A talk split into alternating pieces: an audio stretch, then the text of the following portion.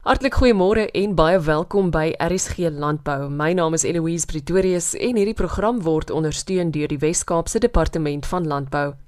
Die sogenaamde Kelp Night is onlangs by die Twee Oseane Aquarium in Kaapstad aangebied waar kenners onder andere gesels het oor die voorkoms van seewiere aan die Suid-Afrikaanse kus en die toename in die gebruik van die seeplante as bronne van voedsel. Professor John Bolton van die Universiteit van Kaapstad was aan die woord om te verduidelik wat is die verskil tussen seewier en kelp. Well, kelps are seaweeds, and kelps are the big brown seaweeds. Basically, the seaweeds are green, red, and brown from very different groups of living things. So, the big brown ones are the kelps. Volgens hom moet mens ook die bydrae wat kelp tot ons ekonomie lewer nie onderskat nie. Traditionally, um, the washed up kelp has been dried and shipped overseas for use for the jelly in it, the alginates. But since the 1990s, people have collected uh, fresh kelp from boats to feed in aquaculture to the Perlamon, the abalone industry, and also to make um, the sort of kelp juice as a fertilizer addition. You may have kelpac or AfriKelp from uh, farm stores to help plants grow. So the, the, the fresh kelp is now harvested in relatively small amounts for these, these uses. En hy sê ook dat dit goed gaan met hierdie plantspesies in ons land, hoewel ons moet aanhou om mooi na ons kelp te kyk. Yes, I, I think um, the the kelp itself is doing well. Um, the in general around the coastline, there's suggestions that it might be spreading a little. Um, the problem is the things in the kelp forest, things like the rock lobster and the abalone, the perlamon, which have been overfished, and also the reef fish. So it's a sort of mixed story. The kelp itself is okay, but what's in the kelp forests, it's a little trickier. En hierdie is die interessante manier waarop kelp voortplant. Yeah, I mean, I've spent many years teaching it to students, but I called it kelp sex education. But kelps produce billions of microscopic, tiny, tiny spores, which, when they land on the rock, grow into a, a little microscopic phase, we call it, which has separate males and females. So there is actually sperm and eggs, and the kelp are only produced once they. So that, that the, the sperm and the egg part only lasts a couple of weeks in perfect conditions, and so it needs um, the fertilization to produce the next kelp. So they have a whole life history just like people do. Om seewiere goed te laat groei en in te span as voedselbron is 'n goeie idee, maar Bolton sê dit het beslis ook 'n uitdaging of twee.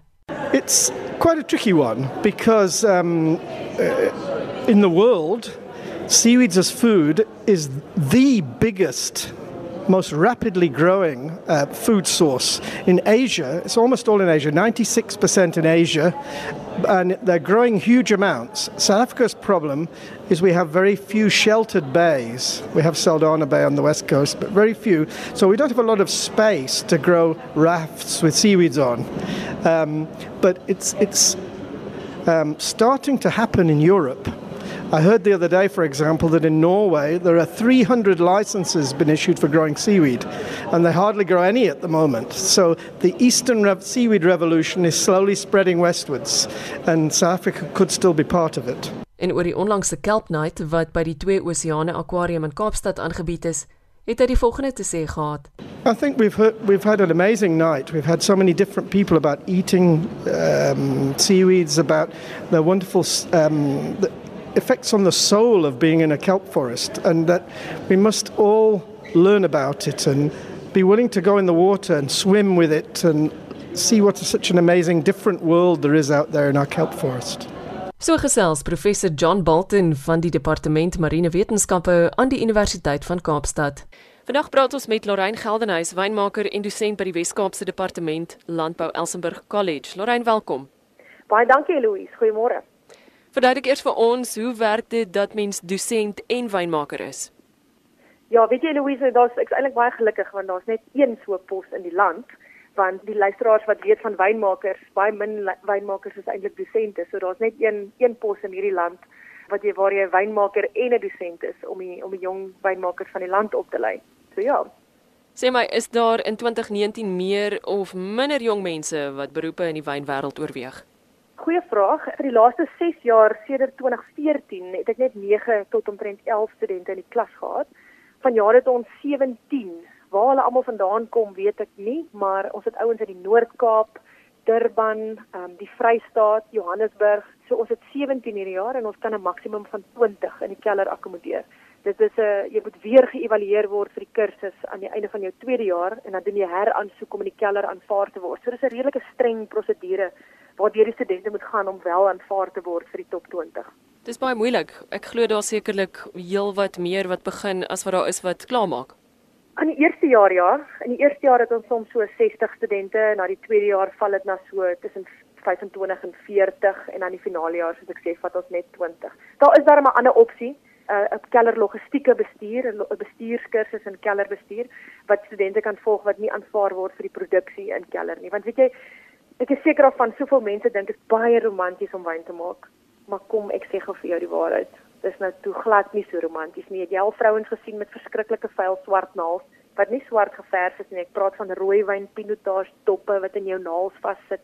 Jou hande is rooi gevlek. Jy's al ewig vol sap en oral styg. Dan moet jy jou skoene uittrek. Jy moet binne in die tent klim. Jy moet help. Jy moet goed regmaak. Wyn maak is toe nou nie so romanties soos wat almal dink nie. Lorraine, die Elsenburg wyne van verlede jaar en die jaar voor dit het my ongelooflike vreugde gebring. Hoeveel presies het jy daarmee te maak gehad?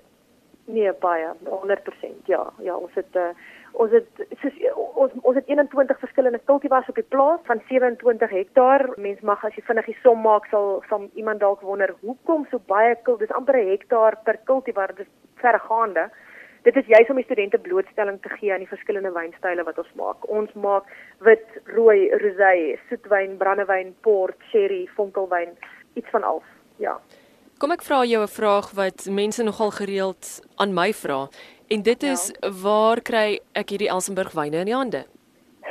Ek het binnekort 'n vergadering met die hoof van ons departement om te besluit oor hoe is die toekoms hoe ons Elsenburg se wyne kan verkoop want ons het redelik goed gedoen in die bedryf in die in die bedryfskompetisies waar ons van ons wyne ingeskryf het net vir ons as 'n verskoon die woord 'n benchmark om te kyk hoe lyk die kwaliteit van ons wyne baie goed gedoen en met die gevolg is ons produseer so 10000 bottels 'n jaar. Ons produseer die ekwivalent van 150000 bottels, maar ons bottel net vir ons 10000 bottels. En die oud studente alleen sal daai 10000 bottels in 'n japtrap opkoop. So ons wil dit nou begin verkoop want almal vra, "Waar kan ek die wyn koop? Waar kan ek die wyn koop?" Maar jy weet jy, Eloise, die probleem is, hierdie is 'n staatsinstansie en ons het belastingbetalers se gelde gebruik om om hierdie instansie te befonds. So wat ons nou doen is nou verkoop ons weer bottelwyn aan 'n ou wat eintlik wie se belastinggeld ons gebruik het. So dit is 'n klein bietjie van 'n tegniese punt. En as ons hom kan oorkom, dan kan ons miskien die geld gebruik vir beurse of om die keller self te onderhou. So ek het vir jou antwoord binne 'n jaar. Lorraine Geldenhuys is wynmaker en dosent by die Wes-Kaapse Departement van Landbou Elsenburg College. Lorraine, ek weet julle is baie lief daarvoor om julle studente ook oor see te neem en in 2018 het julle met groot sukses so gemaak. Louise, laat dit so maklik klink as jy sê julle het julle studente oor see geneem. Kom, laat ek net gou ons moet daarom by die begin begin. en uh, die arme kinders het 'n behoefte, 'n werklik ware behoefte om oor see te gaan want weet jy, in Suid-Afrika, ons is half in die op die punt van die wêreld waar jy weet baie van die wyn in die wêreld word in Europa, Australië, Nieu-Seeland, Kalifornië, Suid-Amerika gemaak wat ten minste in enige rigting van Kaapstad is dit 'n 9 tot 11 ure vlug. So ons is baie ver weg van baie plekke wat wyn maak.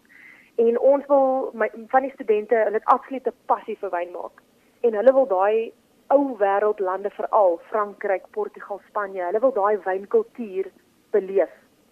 En om dit te kan doen, die staat befonds befonds dit glad nie. So ons moet ons eie paar randjies insamel en ons werk met die oud student vereniging van Elsenburg Keller Tegnologie wat ons help waarin wat die fondse bestuur en dan hou ons 'n wynveiling en al die oud studente skenk vir ons wyne en uh, ons maak 'n paar rand en en dan toer ons vir 14 dae. Nou mense dink is 'n wynvakansie. Dit is in 'n mate, maar sjoe, hierdie kinders swat op oor al die streke. Hulle skryf toets daaroor. Hulle doen 'n absolute studie van die land waarheen ons vertrek.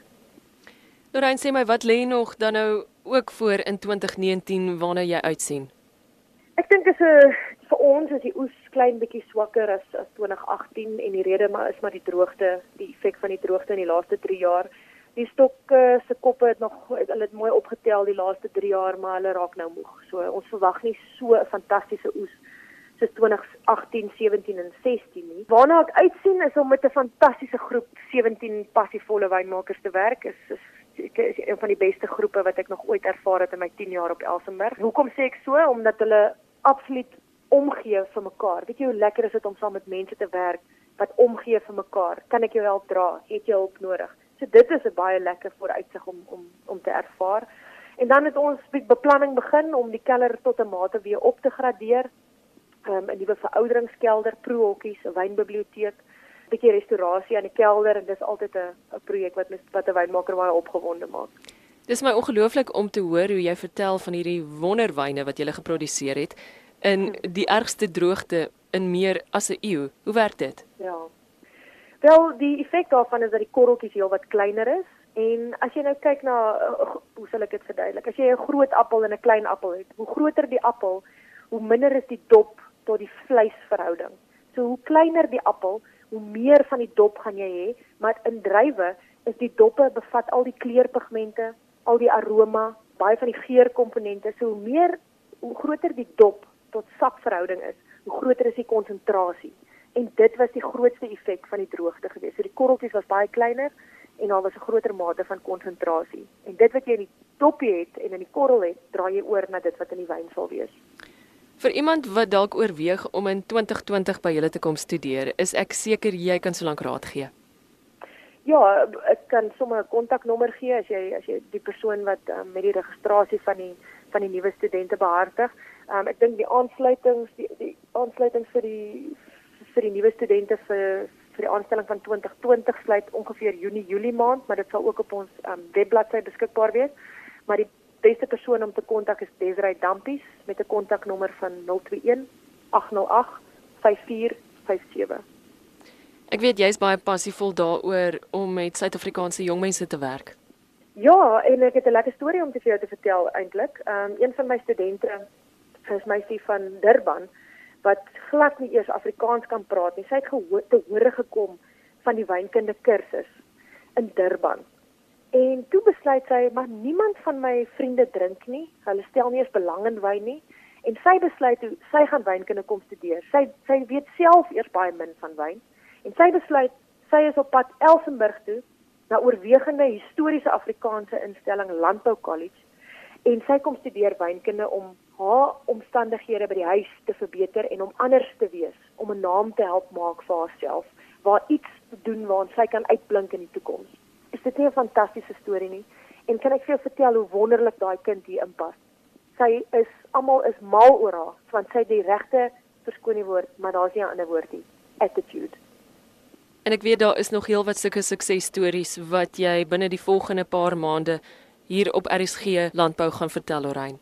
Ek hoop so. Hier's baie mooi stories. Lorraine Geldenhuys is wynmaker en dosent by die Wes-Kaapse Departement van Landbou Elsenburg College. Lorraine, altyd heerlik om met jou te gesels. Dankie. Dankie Louise, ek hoop ons klink 'n glasie wyn binnekort. Jy's baie welkom om môreoggend weer in te skakel vir RSG Landbou om kwart voor 12. En onthou hierdie program en vele ander is ook beskikbaar as potgoeie op www.rsg.co.za en op elsenburg.com. Die program is moontlik gemaak deur die Wes-Kaapse Departement van Landbou. Ek's Eloise Pretorius. Groete tot volgende keer.